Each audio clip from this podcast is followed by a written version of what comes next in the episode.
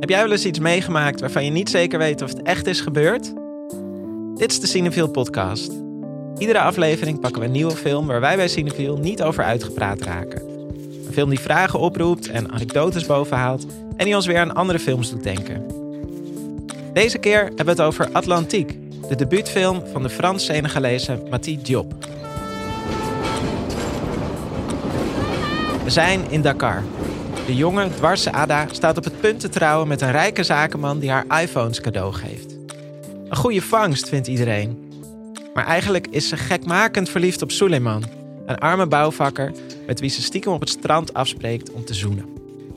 En dan is Suleiman er opeens niet meer. Zonder het aan te kondigen gaat hij met zijn vrienden in een gammelbootje de zee op, in de hoop Europa te bereiken.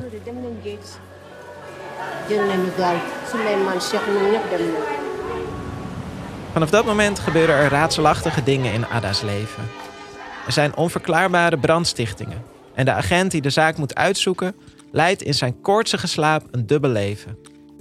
Over slaapwandelaars gesproken, de meisjes in de strandbar lijken s'nachts door geesten bezeten. En Ada krijgt een sms'je van Suleiman. Maar is het hem echt?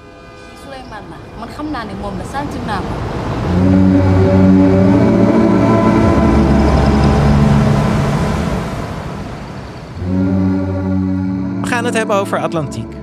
Over de poëzie van verlies, over de zee als monster en over bezoek uit de geestenwereld. Mijn naam is Erik Schumacher en ik ben redacteur van Cinefiel. En naast mij zitten mijn collega's Lauren Murphy en Maan Milker. Hallo. Hallo, Hoi. welkom jongens. Ehm, Maan, wat is het vreemdste dat jij ooit in je slaap hebt gedaan? Poeh.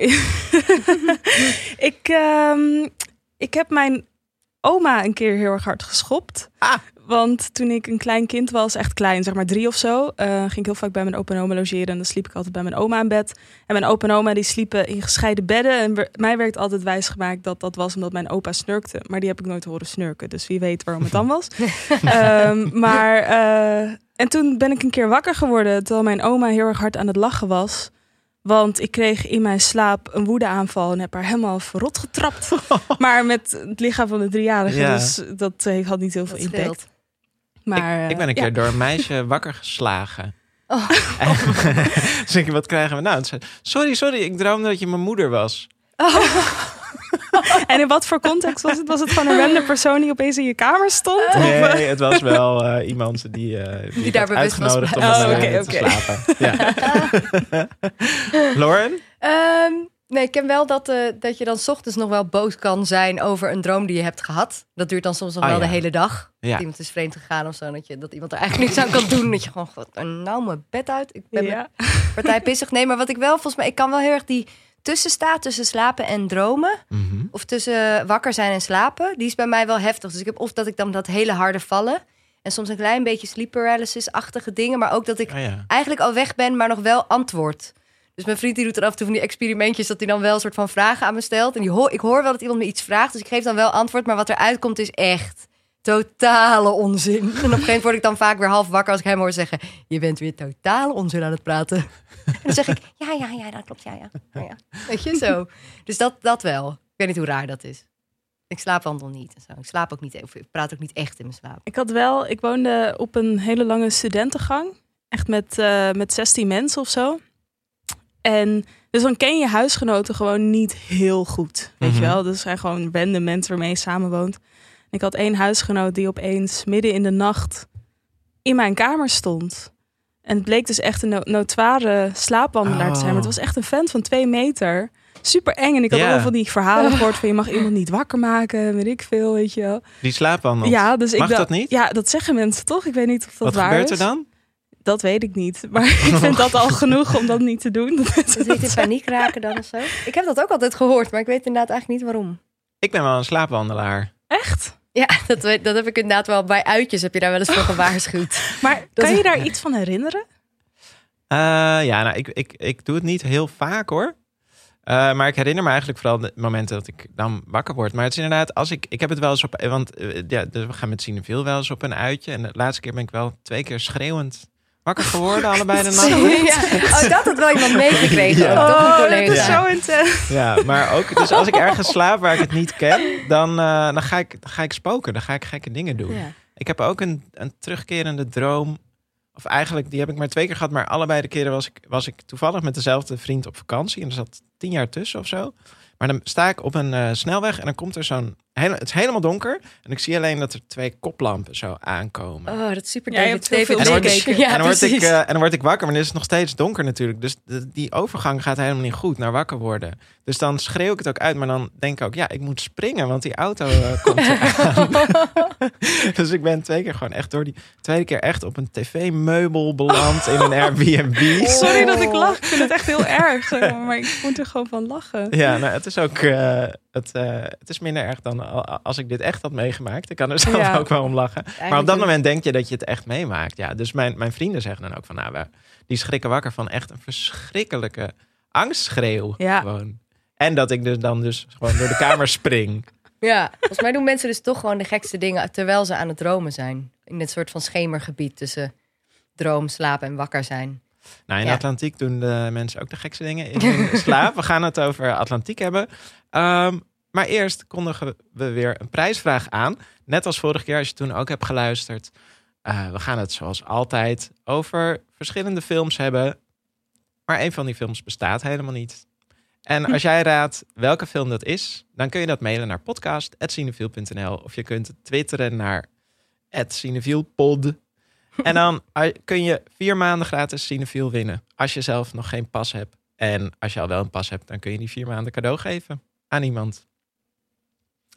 Goed opletten dus. Ja. Atlantiek bestaat. Die, die geven we alvast weg. De film. De film. Ja, Ehm, het is een film. Ja, het, het, het, het is dus een film over de vluchtelingencrisis. En tegelijkertijd heb ik het gevoel dat je daarmee misschien op het verkeerde been staat qua verwachtingen.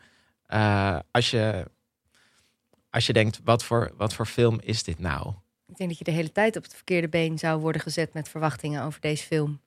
Ja. Toch? Het is een film die zich eigenlijk heel moeilijk in een hokje laat zetten. En dat vond ik er ook zo goed aan. Ik merkte ook dat ik best wel veel moeite had toen ik hem had gezien in terughalen wat ik nou bepaalde scènes of wat ik nou precies had gezien. En eerst dacht ik, heb ik nou liggen slapen? Dat was wel waar we het net over hadden. Of, of heb ik gewoon niet goed opgelet en schaamde ik me een beetje. En later dacht ik, nee, volgens mij is dat juist precies wat die film ook doet. Je komt ook in een soort droomstaat. Er zitten heel veel verschillende lagen in. En het, het plot doet er eigenlijk... Er zit wel een plot in, maar het doet, doet er best wel weinig toe. Het gaat heel erg over meer de, de sfeer die er wordt neergezet. En er gebeuren gekke dingen. En het, het zijn allemaal verschillende genres door elkaar. Dus het gaat wel over de vluchtelingenproblematiek. Maar het laat zoveel dingen open. Vergeleken met wat ik bij sommige andere films die daarover gaan... zijn of dan documentaires of films die heel erg worden verteld... vanuit het, het land van aankomst. Ja, In plaats van in dit geval is dan Senegal het land waar de, de mannen in dit geval vandaan vertrekken. Dus ik had dat ook nog niet gezien, zeg maar. Dus vanaf het, eh, vanaf, vanaf het, ja, vanaf het punt van vertrek, zeg maar, in plaats van het punt van aankomst. Er zit ook ze helemaal blijven ook aan, de, aan land. Ja, dus je, dus je gaat die, die mannen gaan wel weg, maar je gaat niet met hun mee de zee op. Dus het gaat niet alleen over het land van vertrek, maar ook nog eens over de mensen die achterblijven in het land van vertrek. Ja. Dus dat, is, dat maakt het wel heel anders dan wat je misschien verwacht bij een hele politieke film over dit onderwerp. Ja, en ik denk dat het daardoor ook dat er veel meer ruimte is om eh, mee te gaan in de verhalen achter de redenen om dus die oversteek te maken. In dit geval dan vanuit Senegal naar Spanje gaan ze, geloof ik. Ja, naar de Canarische eilanden gaan ze ja, dan. en Ja. ja. ja, om dan voor Europa binnen te komen, zeg maar. Maar dat het idee dat, ja, als je kijkt naar alle beelden die worden eh, je, in de media terugkomen over de vluchtelingencrisis, dan gaat het meer om aan de ene kant de hoeveelheid van mensen die dan op Lesbos bijvoorbeeld in vluchtelingenkampen zitten en de Ja. kleine tentjes en weet ik. Ik denk dan aan Human er- Flow, die film van Ai Weiwei... met soort helikoptershots van Ja. enorme massa's Ja. immigranten. Ja.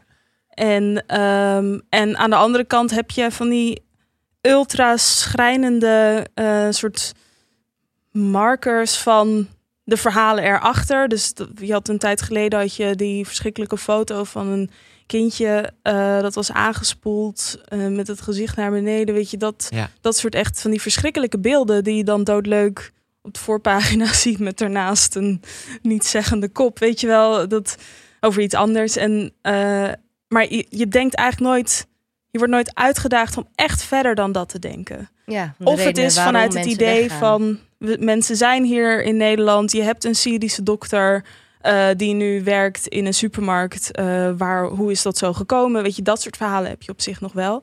Maar het is nooit van hoe is het om in een land te zijn waar jij gewoon niet verder komt.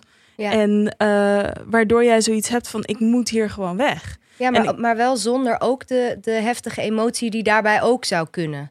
Want je hebt natuurlijk ook films die heel erg, bijvoorbeeld eh, voor Sama of zo, of de films die echt gaan over het conflictgebied, waar mensen dan soms ook uit vertrekken. Die staan, nou wat jij net omschrijft, maar is ook dus het, of, of ze gaan vaak heel erg over een soort harde statistieken. Zoveel mensen, zoveel doden, zoveel. Of het gaat over, of het zijn hele emotionele, emotionally driven verhalen of zo, of een soort tearjerkers. En dit is op een, gaat op een heel ander niveau eigenlijk over al die dingen tegelijk. Ja. Eh, zonder dat je er, je gaat er echt vooral heel erg over nadenken. In plaats van dat je het gevoel hebt dat je iets moet voelen op dat moment. Dat vond ik heel, wel heel erg bijzonder daaraan. Dat het ik moet zeggen ruimte dat, laat. dat, dat ik wel dat ik het wel echt verdrietig vond.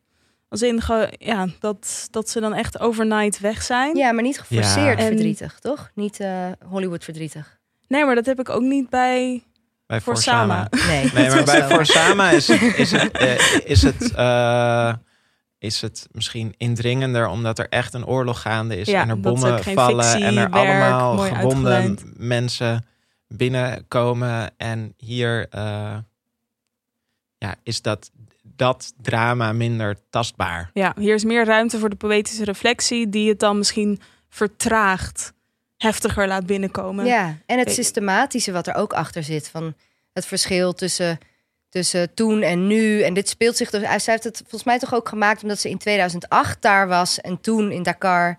En toen voelde dat iedereen het erover had. Ja, er is toen een periode geweest dat, eh, dat er ontzettend veel jonge mannen zijn vertrokken naar de Canarische eilanden.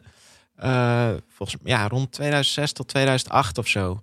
En ehm, in die tijd was, was zij daar ook. En, en vervolgens is dus de, ja, gewoon de Spaanse kustwacht daar gaan patrouilleren. Dus inmiddels is dat ook helemaal geen vluchtroute meer. En gaat iedereen ja, over de centrale route, de- eerst door de woestijn.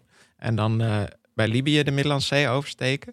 Dat vond ik ook, vind ik ook zo absurd om te lezen. Dat soort van. Die kust waar je naar kijkt in die film, dat dat eigenlijk al de, de buitengrens van Fort Europa is. Dat er daar gewoon eh, een soort van EU-kustwacht eh, boten uit, Mm. uit het water eh, Mhm. haalt. Ja. Eh, eh, nou, we hebben het nu over, over, over Mati Diop, over die eh, regisseur van deze film. Waar, wie is zij? Waar komt zij vandaan? Ehm, het is een Frans-Senegalese filmmaker.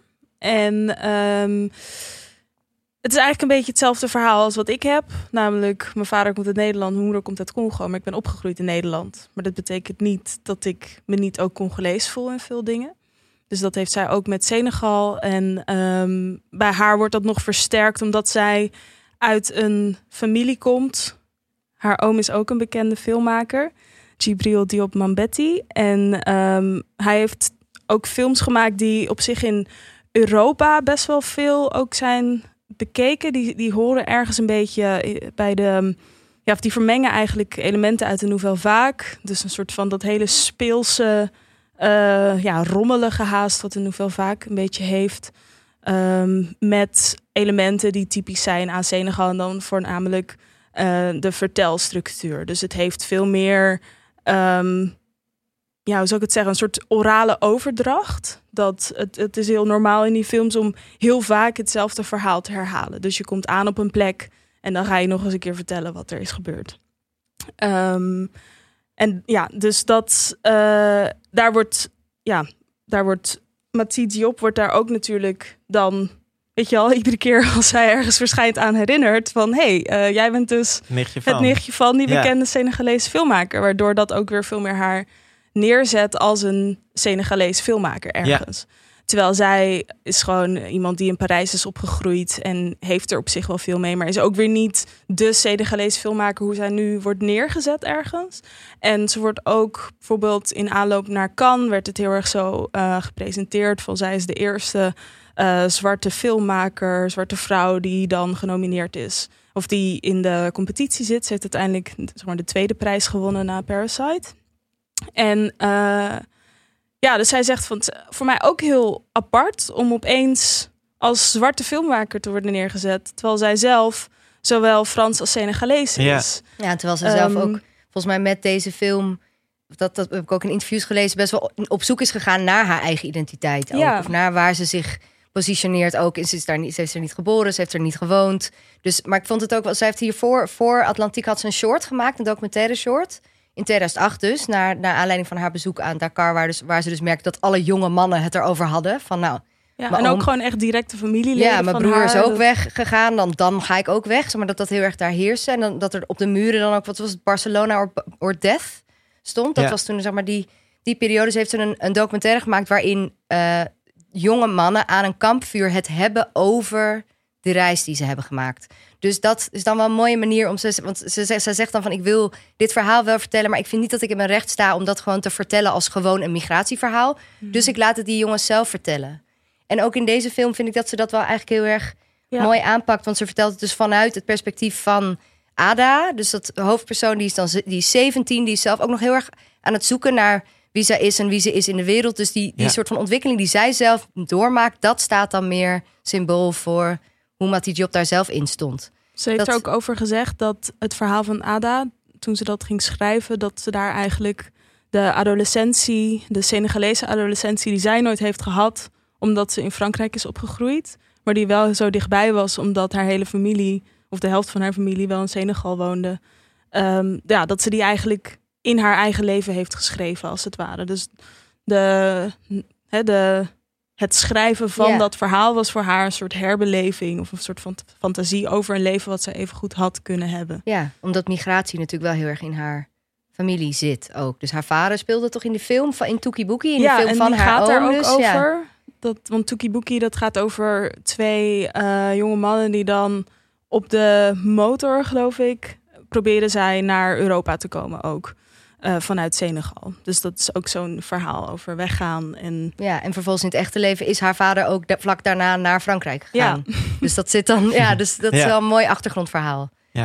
Is, in, in hoeverre kan je dan zeggen, het, is het een Senegalese film? Of nou ja, heel praktisch is het de Oscar-inzending geweest van Senegal. ja, Dus in die zin heeft het op de een of andere manier hebben ze het neergezet als echt een Senegalese productie. Maar eh, Netflix zit er ook bij. Dus dan kan je heel erg afvragen. Weet je, dan wordt het een vraag van welk land representeert Netflix ja, maar dan die als je het wel echt geld heel erg kijkt. Dus dat is dan Ja. wel weer fijn. Ehm, en eh, volgens mij is Kanaal Plus is er ook bij betrokken. Dus de Franse ehm, netwerk.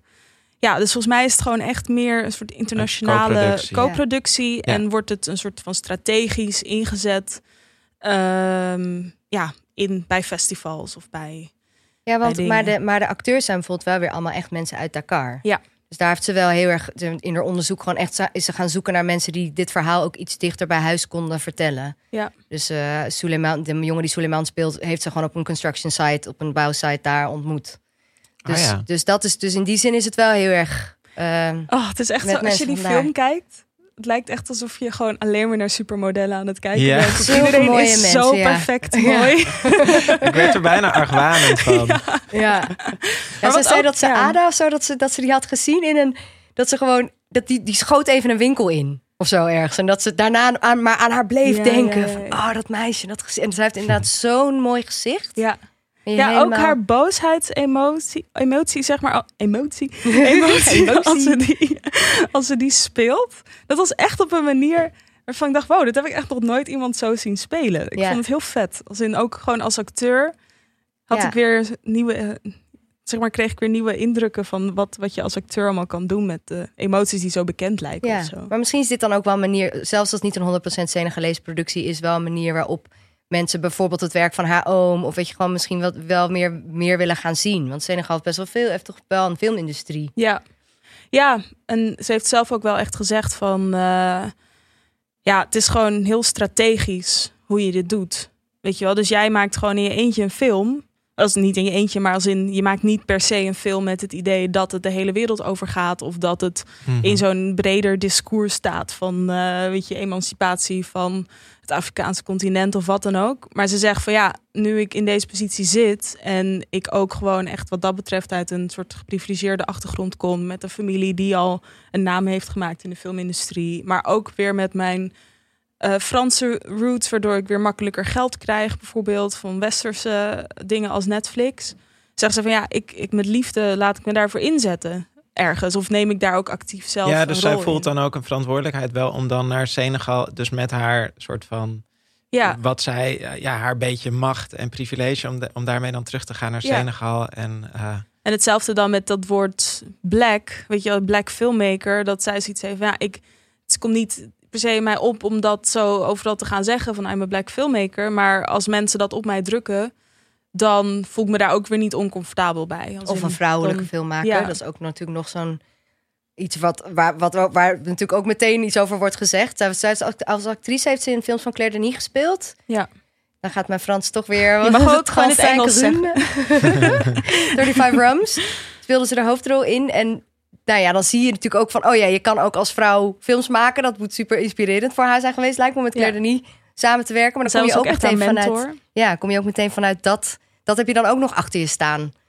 Zeg maar. Dus Ja. ja. ja. Ja, en ze heeft ook ze heeft toen uiteindelijk een beetje afstand gedaan van eh, het actrice zijn, omdat ze eigenlijk, tussen dit las ik, ik weet allemaal niet of eh, misschien is het fake nieuws, maar dat ze ehm, dat ze niet, ze voelde zich niet comfortabel om in een film te spelen die geregisseerd was door een man, omdat zij dan vaak in een rol kwam te spelen waarvan zij zich niet comfortabel voelde. Dus ze zei ook van met Claire Denis was dat een hele fijne eh, mengeling. En was ik ook heel erg onderdeel van het proces en weet ik veel.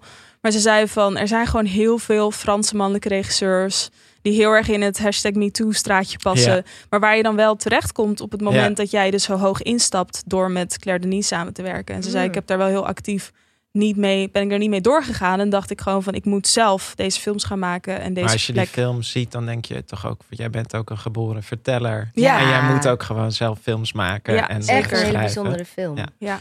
Ja. Ik vond eh, heel mooi in de film hoe de Atlantische Oceaan eigenlijk een soort personage wordt. Er zitten heel veel, heel veel shots in van de zee die eh, steeds eigenlijk weer een, een, ja, een andere kant belichten, een ander gevoel eh, meegeven. Die trouwens in beeld zijn gebracht door Claire Maton, die ook Portrait de la Jeune Fille en Feu Ja. heeft gedaan, waar ik laatst pas achter kwam. Toen dacht ik, oh natuurlijk! Ja, ja. Gewoon de twee mooie zeefilms zeg Ja. maar, van dit jaar zijn Ja. gewoon door dezelfde vrouw gefilmd. Wel weer een heel ander soort kust of zo. ja, eh, maar Portrait daarom juist, Ja. toch? Want Ja. die, die, die zeeën hebben in allebei die twee films zo'n ander karakter. Ja. Dat maar ik dacht dat ook bij Atlantiek. Um, Mathis Diop neemt zo erg de tijd om echt zo lang die zee te laten zien. En bij heel veel andere makers had ik me daar dan denk ik aan gestoord of zo. Weet je? Ja, ik ben ook altijd een beetje kritisch kijken. maar hier dacht ik, ja, laat het maar komen. laat die het maar gewoon maar komen. lekker naar die horizon kijken. Naar Ja. de, een beetje naar de zon die echt zo dik ondergaat. Ik Ja. ging er helemaal in mee. Dat vond ik heel fijn. Het kwam ook door de cinematografie. En het geluid. Ik was benieuwd eh, naar jullie andere favoriete zeeën als personage uit de filmgeschiedenis. Dus ik wou een rondje eh, geluidsfragmenten doen. de vele stemmen van de, van de zee. Eh, Lauren, eh, laten we even naar jouw fragmentje gaan luisteren. Of wil je hem inleiden? Nee hoor, luister maar. Laat maar luisteren. the sun. For millions of years, the source of life. But for one planet, the source of its demise. The temperatures climbed. The vast fields of ice at its poles melted, and the oceans rose. Centuries later, few people remain on this planet once called Earth. Ja. Weet De saus. Ja, de saus. Ehm, dit is Waterworld. Waterworld. Waterworld. Waterworld. Wat trouwens, nu ik die trailer weer luister, meer bijna klinkt als een soort natuurdocumentaire. Ja, hoe het is ja heel ingezet. profetisch. Helemaal- ja, heel Want het is profetisch. 1995 Ja, volgens precies mij. Ja. 25 jaar geleden. Dus het is nu dit jaar eh, kwart eeuw oud. Deze cult Mijn klassieker. bouwjaar. Jouw bouwjaar, nou, mooi bouwjaar. En ehm, ja, dat was toen de duurste productie ooit. Daarna kwam Titanic. En sindsdien waarschijnlijk nog wel wat andere. Ik weet ze niet uit mijn hoofd. Maar toen was het, eh kostte iets van 260 miljoen of zo. Heeft zelfs nog iets meer wel verdiend aan de box office. Het was Oh, niet ja? de flop die iedereen denkt dat het Oh. was. Maar het was alsnog wel de grootste flop. Want Kevin Costner heeft er zelf nog 22 miljoen tegen aangegooid. Er zijn vijf mensen bijna dood gegaan. Ze hebben dus op open water. Het gaat over een... ehm, over de Wat zeg je Ja, oké, ja, wacht. wacht, ik ga heel veel in één keer. Eerst even vertellen, even vertellen waar de film over gaat. Dit is, dus, dit is in de nabije toekomst. Sommige mensen denken 25 2500. Eh, maar goed, at the rate we're going Ja. zou dit zomaar eens heel veel sneller kunnen gebeuren. Eh, de poolkappen zijn gesmolten en eh, de wereld is één grote oceaan geworden. De intro van de film trouwens, het UPI-logo met die wereldbol. Is ook heel vet, want die wordt dan langzaam Ah, helemaal water. Leuk. Ehm, en er zijn allemaal grote schepen waar mensen op wonen. En er zijn een soort oorlogen tussen mensen op die schepen. Dennis Hopper speelt natuurlijk een bad guy met één oog. Het is echt super campy, super vet. en ehm, mensen zijn op zoek naar het droog land. Dry land heet het dan ook. Dus het is een beetje een soort tegenhanger van, eh, van Dustland of zo. Dat soort post-apocalyptische... Ja, waar in de hele wereld waar er geen water meer te is. vinden is. Ja, precies. Dus dit is alleen maar water. Maar ze hadden de leuke keus en domme keus gemaakt. Ondanks dat Spielberg had gezegd: ga niet op open water filmen. Met Jaws was dat één groot fiasco. Heeft toch het team van deze film besloten: we gaan op open water filmen. Nou, dat, dat ging gewoon allemaal mis. Ze hadden allemaal hurricanes, alles ging kapot, mensen zijn bijna verdronken. En dus Nou ja. 25 doden. Nee, 22 miljoen heeft Kevin Costner er zelf nog tegen aangegooid. Maar ik dus- dacht dat je net zei dat er 25 doden waren. Nee, er zijn vijf mensen Oh, bijna dood gegaan. dood, Oh, jeetje. Ja. Nou, zo gaat het aan dus. hè? duikersziekte en dat soort dingen. En, en winden en in, uit masten gevallen en zo. Maar wat ik dus... Het, het, er zijn allemaal van die trivia bij deze film. Dat toen was het, vond iedereen het heel slecht. Nu inmiddels vindt iedereen het een soort van cultwaarde heeft film gekregen. En ehm, eh, wat ik heel gra- nou, grappig of slash ironisch daaraan vind... is dat ze zoveel staal hadden gebruikt om al die dingen te bouwen... dat ze, het is opgenomen in Hawaii. En ze hebben al het staal wat er was op Hawaii gewoon helemaal opgebruikt voor deze film. En toen was er extra staal nodig, dat hebben ze moeten invliegen vanuit Californië. Oh. Dus het hele idee van klimaatverandering als soort van de boeman van deze film, daar hebben zij zo keihard aan bijgedragen. Ja, dat vind ik gewoon een hele leuke. Dat is Een gewoon acting. prophecy. Ja, echt heftig. Ja, maar goed, dus de oceaan is, is de grote, eh, heeft een enorme rol in deze film. ja. We als, gaan als vijand eigenlijk. Als, Als, vijand en als, nieuwe guy. realiteit ook. Ja. Van dit, je kan Ben jij er toen niet ook aan echt bang geworden daarvoor? Door nee, deze het is niet een film waar je heel bang van wordt. Het is een film waar je vooral heel hard om moet lachen. We draaien hem op Imagine trouwens in april. In het kader van een programma over de natuur en klimaatverandering.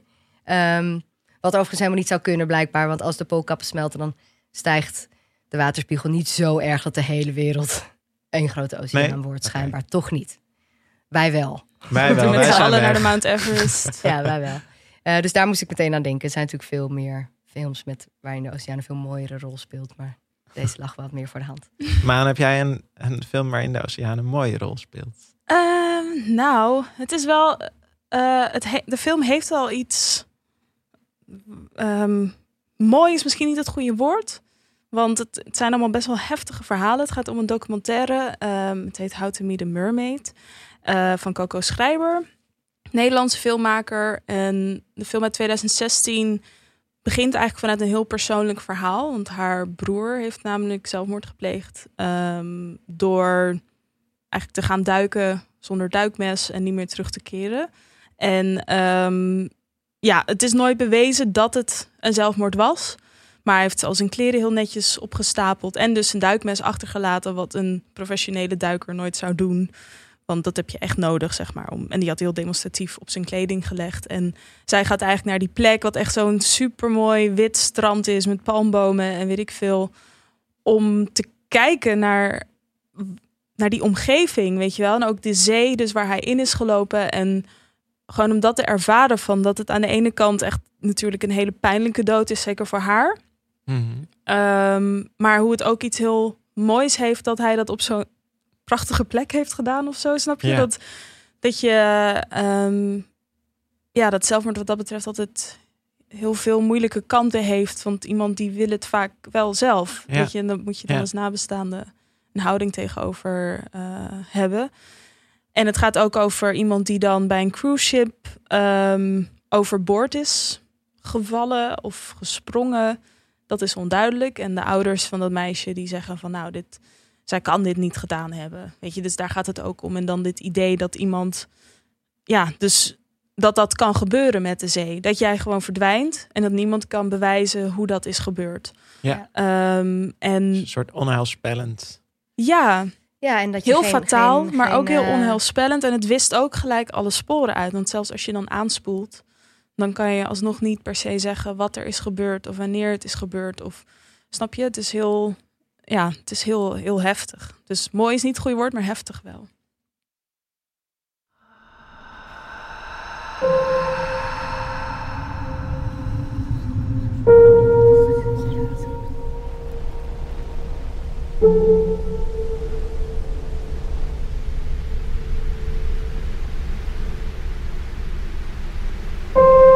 I see you. Come closer.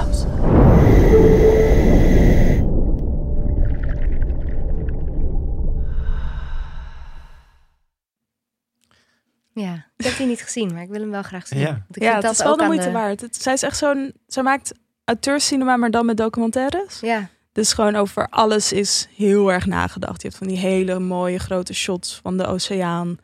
Weet je, het is Ja. gewoon echt. eh, echt maar dat is natuurlijk ook het, het, het, de grote aantrekkingskracht ook van dat water. Voor mij persoonlijk bijvoorbeeld ook is dat het zowel het mooiste is wat je ooit hebt gezien als het engste. Ja, Hmm. Hetzelfde als met, met sommige mensen hebben dat met de bergen of zo. En ik heb dat ook meer met de zee. Dat je, dat je soms ook voelt dat je erin ingetrokken zou willen worden. Of zo. Of hoe mensen ook kunnen dromen van een verdrinkingsdood als iets wat soms ook als iets moois wordt geschetst. Of Mhm. eh, dat, er is wel iets heel poëtisch aan. Wat dat. Ja, ik denk, ik heb, ik heb dat ook heel erg met de, met de zee, dat ik het, ja, dat het voor mij ook iets, een heel mooie waarde heeft en eigenlijk ook voor een soort vrijheid staat of zo, op een gekke manier. Daar, daar gaat mijn fragment eigenlijk over. Misschien kunnen we het gewoon even opzetten en als je een enorme filmnerd bent, dan herken je het meteen.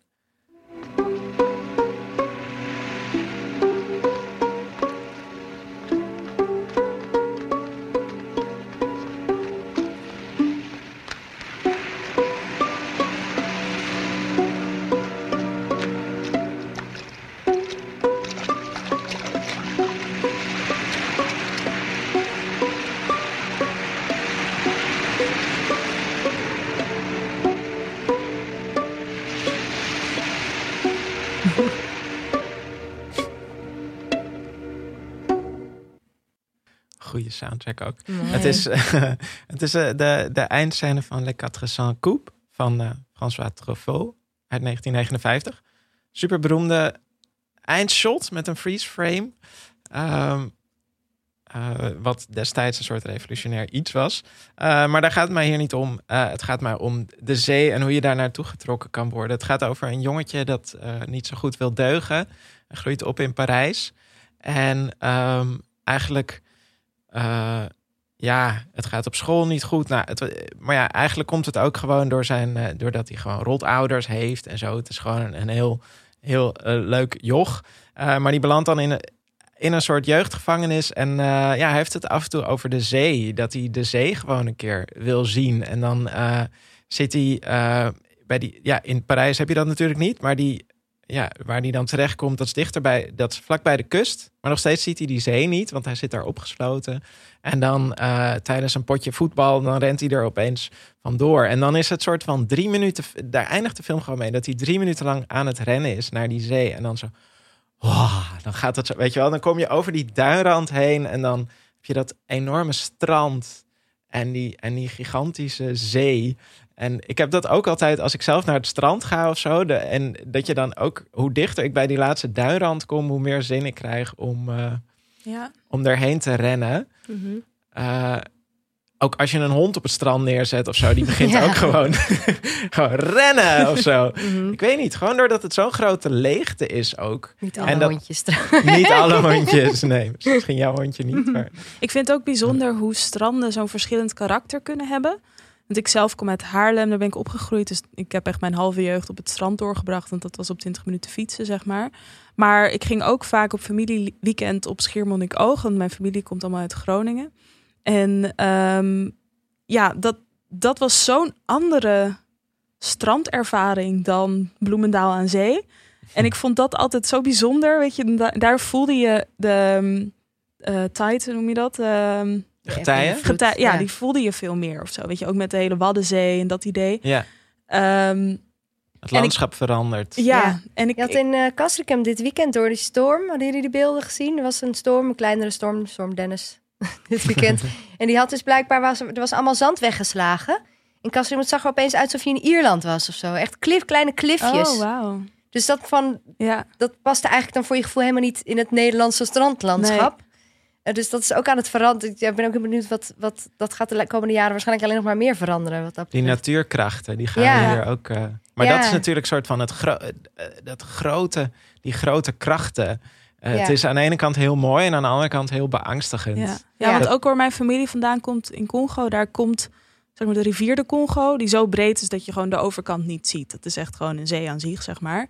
En eh, die mondt daaruit in, eh, in de oceaan. Dus dat geeft ook enorme onderzeese Stromingen. Ja, stromingen en dingen. En dat is ook echt zo'n plek waar je gewoon niet moet komen eigenlijk. Waardoor er juist heel veel toeristen heen gaan en die, die overleven het vaak niet, Ja. weet je wel. Dat je, Ja, in, Het, Atla- ja. in Atlantiek is het ook een soort, kreeg ik heel sterk dat gevoel van, het is de hele tijd aanwezig, die oceaan. In de Ja. film ook in het Mhm. geluid. Zelfs als je hem niet ziet, hoor je hem nog wel.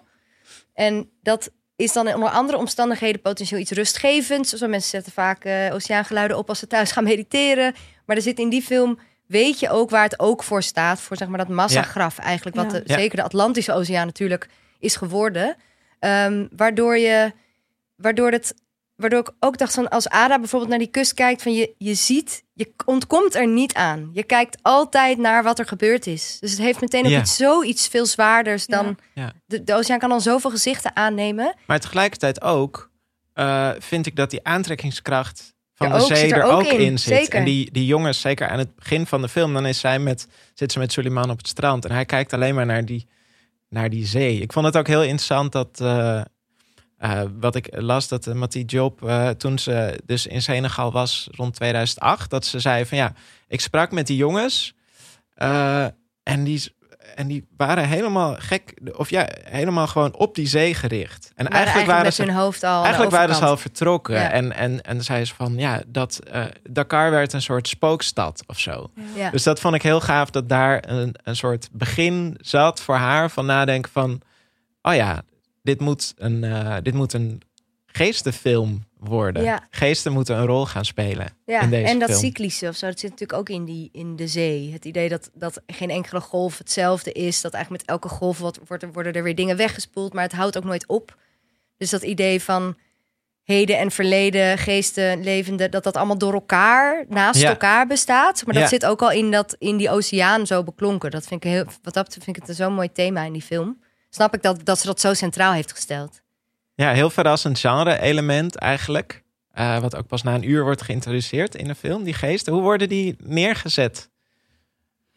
Ja, ik vond het eigenlijk, ondanks dat het misschien als je het heel droog bekijkt, dan denk je van, oh, dit is best wel een manier gedaan waar niet heel veel geld in zit in special effects. Dan vind ik dat vond ik heel vet eigenlijk. Ja, Eh, dacht ik wel van, ik ga hier totaal in mee. Ik vind het helemaal prima. Dit zijn Ja. inderdaad geesten. Punt. Snap Ja. je? en Ja, het zijn niet zomaar geesten. Als in ik las in een interview dat ze het geïnspireerd heeft op de djinns. En dat, zij, dat is een type, ehm, ja, een soort spirituele staat. Of een soort van spirituele verschijning die ehm, ja, menslichamen of dieren of alles kan overnemen eigenlijk. En Mhm. kan ontdoen van de eigen wil. Eh, binnen de islam, want in Senegal ehm, is de islam een grote godsdienst. En zijn dat dan ook eh, spirituele verschijningen van mensen die hebben geleefd? Eh, of Volgens mij is het iets abstracter dan mensen die hebben geleefd. Als Ah, ja. in dat het, het concrete is, het concrete deel, dat zijn de mensen die dan worden overgenomen door die djinns. Maar volgens mij is het. Maar het is ook zo'n groot concept dat Ja. ik denk dat binnen iedere leer dat dat er weer net anders Ja, is, zeg ja, maar. ja. Dus ik wil er ook niet veel, eh, ik, daar weet ik er niet genoeg van af. Maar Maar er zaten dan wel, er zijn volgens mij, ik weet er niet genoeg vanaf, maar ik geloof wel dat ze toch op bepaalde tijdstippen vooral ja, in de eh, nacht. aanwezig zijn. Ja, dus op de overgang van dag naar Ja. nacht. Of en dat zit dan zit in deze film ook heel mooi. Van dan komen ze, beetje zoals je met zombies of zo ook zou denken, van ze komen allemaal tegelijk Ja. op, maar dan veel mooier en En dat is ook zo vet, hoe dichter je bij de evenaar komt, hoe sneller zo'n zonsondergang ook gaat. Ja, die, die Bijvoorbeeld in Congo naar ligt voor een groot deel op de Ah, ja. zonsondergang. Mijn moeder vertelt van ja, dan is het gewoon echt twee seconden en is de zon gewoon onder. Ja. Ja. Gewoon, je ziet hem echt ondergaan, zeg maar, heel Ja. snel, weet je. Dat, Dus dat, dat maakt contrast het ook tussen dag extra en nacht is, is veel groter. Ja, dus dan kan je ja. ook veel sneller begrijpen waarom er dan opeens een, Ja. letterlijk een verschil als dag en nacht in een soort mensen die dat dan Dag en. Nacht Media. Ja, oh, hey. Onbewuste sluikreclame. Ja, van onze producent Dag en Nacht Ja. Media. Ik vond het ook, ik vond inderdaad ook die, eh, die geestverschijningen, of het zijn, vond ik heel mooi. Het zijn ook dus omdat mensen die bezeten raken door het door de, geesten, door de geesten van de, van de mannen die Ja. verloren zijn. Maar ik vond het ook heel mooi dat het alleen maar vrouwen zijn. Die, dit is misschien een spoiler, maar ik neem eigenlijk aan dat iedereen die de podcast gaat luisteren de film al heeft gezien. Nou, Dat hoezo? gebeurt vaak. Is het geen spoiler? het Nee, allemaal ik, vrouwen ik zijn? weet niet. Nee, ik bedoel Maar dat zijn, iedereen hem al het heeft wel allemaal gezien. vrouwen? Oké. Nee, Ik zeg niks meer. Volgens mij luisteren Maar er zijn ook wel veel vrouwen en dat vond gezien. ik, vond ik ook een mooi gegeven. Dat dus de vrouwen blijven achter. Veel. Ja, in en dit, die gaan ook in dit dan- verhaal. Want het idee is dan dat hè, je hebt heel erg dat economische aspect van die jongens die. eh, want hier bestaat ook vaak het idee van oh, dat zijn allemaal gelukszoekers en weet ik veel. Terwijl het probleem is juist dat zij keihard willen werken, maar dat zij niet worden uitbetaald. Ja. Door, eh, weet je, zij werken dan op een bouwplaats voor een of ander reusachtig gebouw. Waar allemaal westers geld in zit en weet ik veel, snap je? En ze worden dan niet uitbetaald, maar ze moeten wel rondkomen. En dit gaat al heel lang, is dat al aan de hand. Dus daar zit ook een soort ehm, ja, genoegdoening halen of zo, weet je wel? Of, of het idee van, we, we, Ja, onrecht ja, ook. is ons onrecht aangedaan en wij willen dat nu, hoe noem je dat? Eh, rechtzetten. rechtzetten, Ja. ja. Ja, maar het voelt niet als wat, wat je dus denkt van enge geesten of zo. Het idee Nee. je vroeger bij spoken van... er is nog iets onaf en ik kom iets halen. Ja. Ik kom je kind halen of zo. Ja. Weet je wel, dat, dat, dus ze komen wel iets halen, maar ze komen iets halen wat ook echt van hun is. En wat- mensen, mensen reageren ook niet heel erg geschrokken als die, als die geesten dan verschijnen. of Nee. zo. Misschien een beetje... Oh, Oh, oh ja, shit, ik moest nog... Ik had, ik had nog een rekening met je openstaan. Ja. nee, Ja, maar dus ja. dat, dat maakt het totaal iets anders dan de, dan de geestenfilms die we in het Westen gewend zijn. Een soort horror, horror idee bij een spook. Ja. Ja. Het deed me wat dat betreft wat meer denken aan sommige Aziatische filmmakers. Of zo. Je had dit jaar op IFFR ook een film, The Long Walk van Mati Do. Het is een eh, filmmaker uit Laos. En daar is ook een, een man die, ja, die ziet geesten. Die loopt zijn hele leven lang al hetzelfde weggetje van zijn dorp naar zijn werkplaats op en af met dezelfde geestverschijning. En dat is gewoon zijn vriendin, zeg maar, of zijn soort levenspartner met wat gesprekken zo betreft. En dat is heel normaal. Er wordt helemaal niet. Ja. Dus daar ga je als kijker ook heel erg in mee. Ja. Van, oh ja, ook niet, ook niet het idee van zij leeft nog in het verleden of zo. Het bestaat soort van naast elkaar. Mhm. Ja, het is natuurlijk ook de films nadenken. van uh, Pichatpong Weerasettakul uh, Ja, uit, zeker. uit Thailand. Waarin dus bijvoorbeeld Uncle Boon Me, Who Can Recall His Past Lives. Ook Ja. zo'n schitterende titel uit 2010. De Gouden Palmwinnaar toen. En daar heeft hij toen Eh. toch ook in zijn, in zijn speech heeft hij toen ook alle ghosts en spirits bedankt. Mhm. Ja, oh, ja, de- de, oh, dat weet ik niet regisseur. meer. Ja, ja, Wat ja. Dus, grappig. dat, dus, dus ook voor hem is dat gewoon een realiteit. Zo, Ja. Ik had deze film ook niet kunnen Ja. maken zonder jullie. Ja. Nee, Dus- want dan is dat gewoon, oh ja, die mensen die wonen aan een bos. En ja, oké, ja, natuurlijk komt daar dan af en toe een, een, een vreemd boswezen uit. En natuurlijk, en, en af en toe schuift er een, eh, een, een Verloren zoon. Ja, ja, en, of een, een half doorzichtig eh, mens aan, eh, Ja. aan tafel. En eh, ja, of het zit ook in Cemetery of Splendor, een andere film van hem die ik ook zo fantastisch mooi vind. Er zit zo'n scène in eh, waarin dan een vrouw ehm, verzorgt een slapende man. Die heeft een soort slaapziekte. Dus het lijkt eigenlijk, hoe meer ik erover nadenk, eh, er zitten echt heel veel soort vergelijkbare thema's in.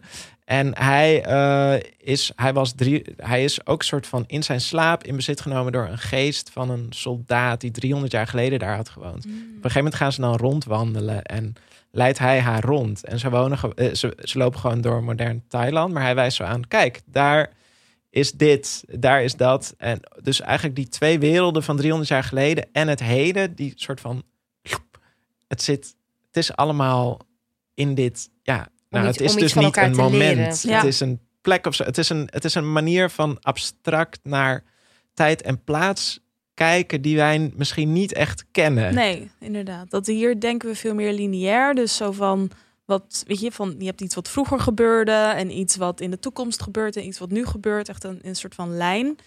Terwijl, ehm, ja, bijvoorbeeld wat ik, hoe ik meer, wat ik ook meer meegekregen is meer om in locaties te denken. Dus in de zin van, je hebt gewoon een soort van energieën die er zijn of weet je al, dat kan je geesten noemen of levens of weet ik veel.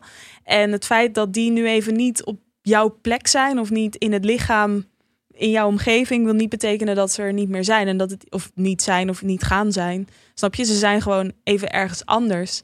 Ja, jij bent daar dan, jij bent daar dan mee, mee opgegroeid met een soort dat dat iets, een soort, misschien iets, iets wat gewoon bestaat, wat vanzelfsprekend is. Ik zou enorm in de paniek schieten als ik een soort geest ergens zag Ja, of zo. Maar dat is toch zo interessant, want, de, want Atlantiek is ook volgens mij, ik weet niet of dat hier ook zo was, maar in, in ieder geval in Amerika is die ook eh, door op, op Netflix volgens mij gezet als Atlantic's A Ghost Story.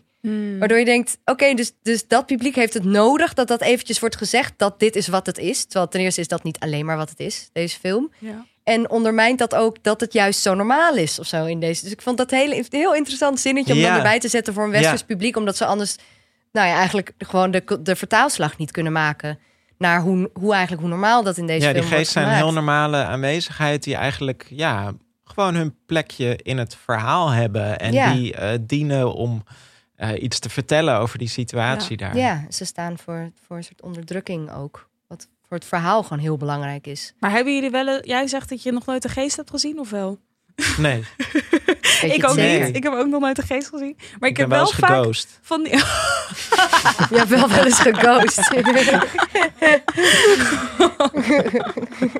ik heb eh, ook nog nooit een spook gezien. Nee. Jammer genoeg. Dat hoop ik wel altijd nog. Maar wel een soort, wel Wel misschien een soort ervaring gevoel, of ja. zo. Dat hebben mensen natuurlijk ook. Nou, ik heb wel heel vaak van dat soort kippenvelmomenten gehad. Gewoon, nou, dat klinkt dan... Oh, en we zeggen kippenvel. Nee, dat bedoel ik niet. Ik bedoel juist echt dat je, Je voelt het dat er ergens over hebt. En dan, weet je wel, dat... Of dat je bijvoorbeeld net nog aan iemand hebt gedacht... en dat je dan later hoort dat daar iets... juist iets heel goeds mee is gebeurd... of juist iets heel Ja. slechts, weet je, dat soort dingen. Ik heb ook altijd als... oh, het is zo intens. Misschien moet ik het ook niet vertellen. zeg maar, ehm, ja, in mijn zeg maar, in het gezin waar ik uitkom, is dus best wel veel aandacht voor dat soort spirituele gevoelens die je hebt. En daar moet je ook gewoon lekker voor uitkomen, weet ik veel. Maar dat komt er dus soms op neer dat mijn vader mij dan bijvoorbeeld om, die belde mij laatst om drie uur s'nachts van, ik voelde dat er iets was.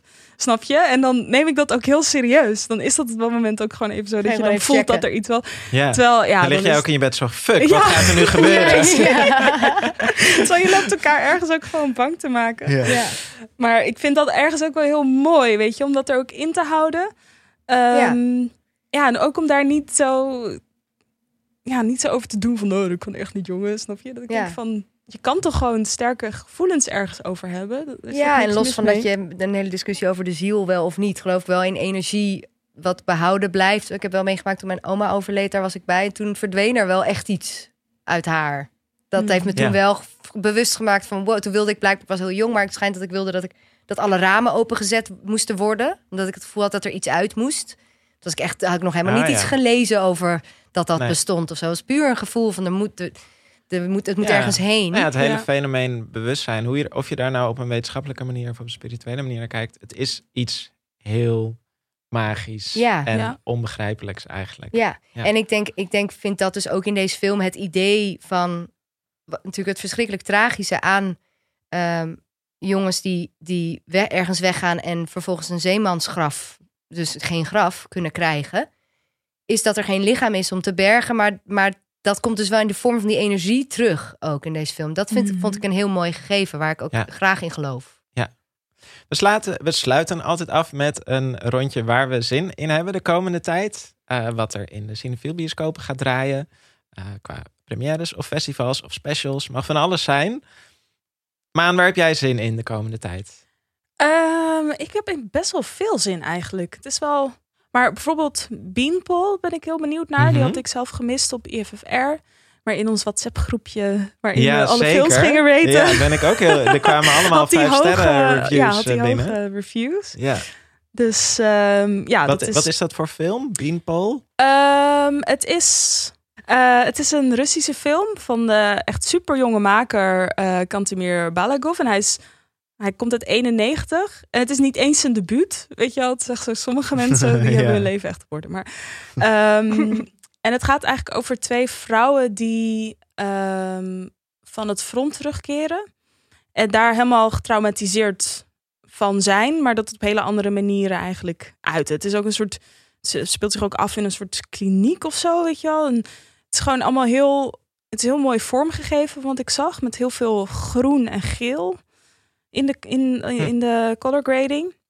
Ik hou er altijd van. Als, als je bij films echt kan zien dat er echt over na is gedacht... op een manier die mij ook aanspreekt. ja, Want Ja. anders kan het me juist ook helemaal... ja Dat het kan denk- ook heel irritant zijn, toch? Als er heel erg in een bepaalde richting is gecolor grade. Ja, ja, ja, ja. Maar als het mooi gebeurt. Maar eh, ja, dus daar ben ik eigenlijk wel heel benieuwd naar. Dat ik denk dat het ook wel bijzonder is dat het zo'n jonge maker is en dat hij dan toch zo'n oud verhaal of ouder verhaal zeg maar aanspreekt wat niet per se nu afspeelt. Ja. Ehm, want dat vind ik altijd. Dat had ik ook met Little Women.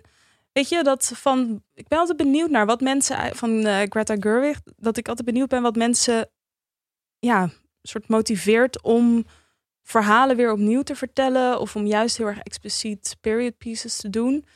Want soms zegt het juist heel veel over het heden, als in het verschil wat je er dan tussen ziet. En soms is het juist de gelijkenissen die je dan ziet Ja. met het heden.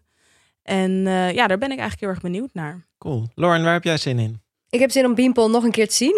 ik heb Beanpole op IFFR wel gezien, maar ben ik dus tot mijn grote schaamte bij in slaap gevallen. Omdat ik al zoveel films erop had zitten dat ik gewoon niet meer kon. Is dat dan een Eh, slecht teken dat je in slaap nee, valt? want nee, dat heeft niks nooit iets met. Ik ben wel ook wel eens bij een hele harde actiefilm in slaap gevallen als je echt moe genoeg bent. Maar ik weet wel bij Beanpole dat ik een paar momenten dat je even wakker schrikt en al die momenten waren te gek.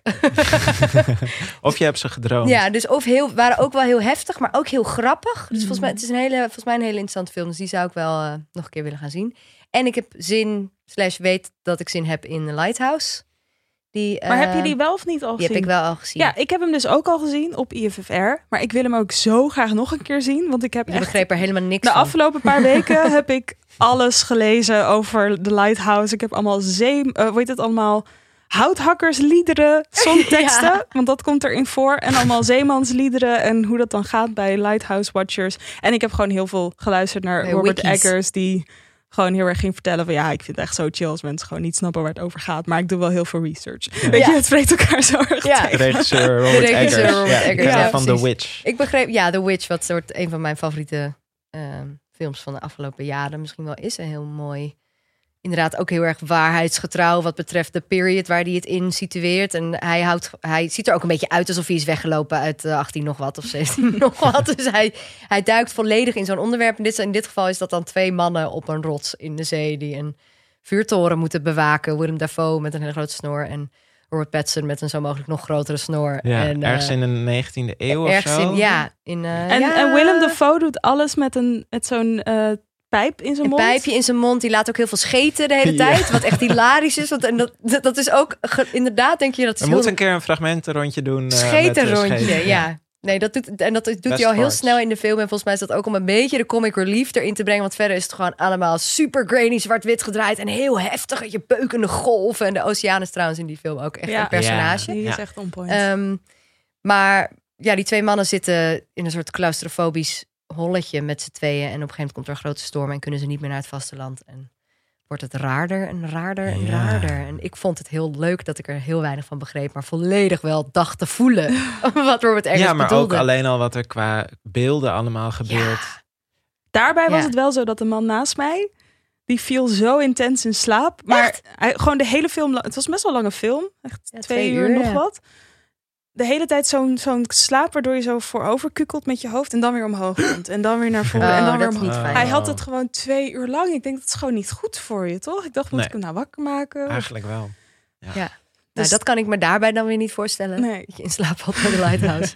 maar eh, Ah, ik zeg- IFFR, als je daar gewoon eh, naar vijf films per dag gaat, op een gegeven moment val je gewoon in slaap. ja. ik bedoel, ik ben ook bij meesterwerken in slaap gevallen daar. Zo gaat dat. Ik Ja. heb dat nooit. Ik ben altijd bang dat ik dan rare dingen doe. Als in niet Hey, jou, op jouw manier met rond. slaan Oh ja, ja, wandelen, ik maar- zou daar bang voor moeten zijn. Dat ik de hele zaal bij elkaar schreeuw. ja. Dat ik opeens van de ene rij naar de andere spring. Omdat ik denk dat er een auto aankomt.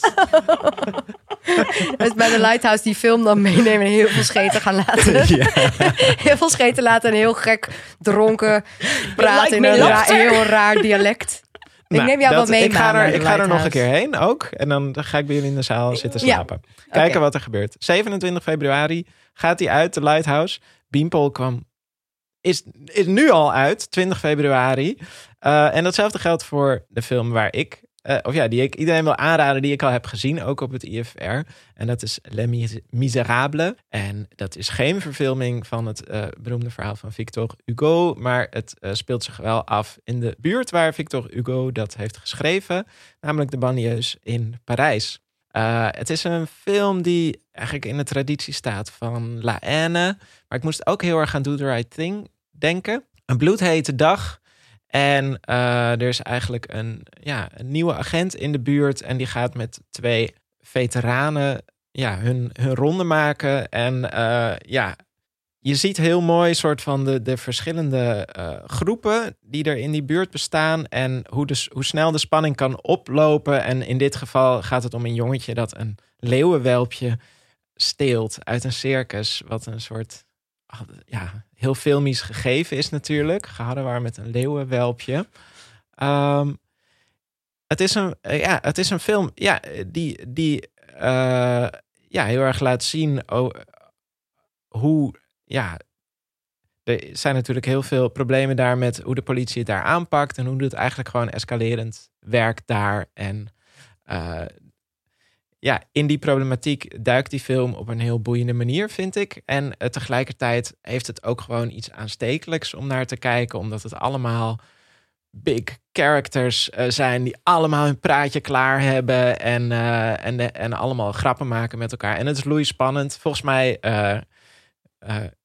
wordt, moet dit wel gewoon een cinefiel hit worden. Ja. En die is vanaf nu te zien, dus 20 februari. Ook nu overal te zien is Atlantiek. En ga er allemaal naartoe. Eh, wij vonden hem volgens mij alle drie echt waanzinnig mooi. Ja. Ja, En ook nog even een speciale shout-out naar de soundtrack. Ja. Dat is ook echt één om lekker thuis nog op te zoeken. Ja. ja. Het is van eh, Fatima Al-Kadiri. En zij komt oorspronkelijk uit Kuwait, maar woont nu in eh, Berlijn, Duitsland. Maar zij is grappig genoeg. Ook voor een heel groot deel van haar jeugd is, ze- heeft zij in Senegal gewoond. Oh. Waar dus de film zich afspeelt. Want Ja. haar vader was de diplomaat voor Kuwait in, eh, in Senegal. Dus daarom, weet je, dat vind ik ook zo bijzonder. Dat zo verspreid over de hele wereld kan je allemaal van die mensen vinden die op een hele andere manier een connectie hebben met een land. Ja. En samen brengt dat dan een heel authentiek geluid ergens, weet je? Want zij heeft dat ook gewoon aan de leven. Weet je, ze heeft er niet heel veel research voor hoeven doen. Op het moment dat je tien jaar ergens hebt gewoond, dan snap je welke instrumenten daar zijn, zeg maar. Ja. En toch weer met allemaal invloeden waarvan je denkt van... Oh, dat is weer heel erg Berlijnse club zien. Ja, ja, ja. Het klinkt heel dus dat- modern. ja, ook. dat vond Ja. ik heel vet. En ze neemt ook, ook de omgeving, zeg maar echt de natuurgeluiden van daar heeft ze ook Ja. erin meegenomen, waaronder ook de oceaan. Ik vond dat ook echt een hele Ja, mooie super vet. Ik heb hem ja. de hele tijd opstaan nu. Ja. Ja. Misschien moeten we na de credits eventjes, eh dan moeten we Ja, even kunnen we het er nu gewoon onder zetten? Ja, Ja, leuk. Dit was de Cineville podcast voor deze keer. Eh, volgende keer gaan we het hebben over Do the Right Thing. Die gaat, eh, de klassieker, de naam viel net al even, van Spike Lee. Die gaat weer overal draaien.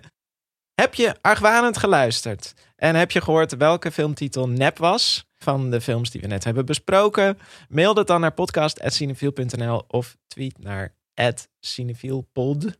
En ja, ja, maar het is niet pot dus. Ja, daardoor heb ik het gevoel dat ik heel erg pod, pod moet zijn. Maar dat spreekt natuurlijk ook wel voor zich. Het is geen potje, maar het is een pod van een podcast. Eh, want eh, podcast was te lang voor Twitter, dus dat mochten we niet als gebruikersnaam gebruiken. Sowieso, als je iets tegen ons wil zeggen of als je ons een beetje in de gaten wil houden, volg ons op Twitter of stuur ons een e-mail. Altijd leuk. Zeker. We willen graag nog Lieke Malkoor bedanken van Dag en Nacht Media. En onze eigen Jente Buskus, a.k.a. Wiki Jente, voor de uitgebreide show notes. eh, waarin je alle titels die we hebben genoemd kunt teruglezen. Tot de volgende keer. Doei.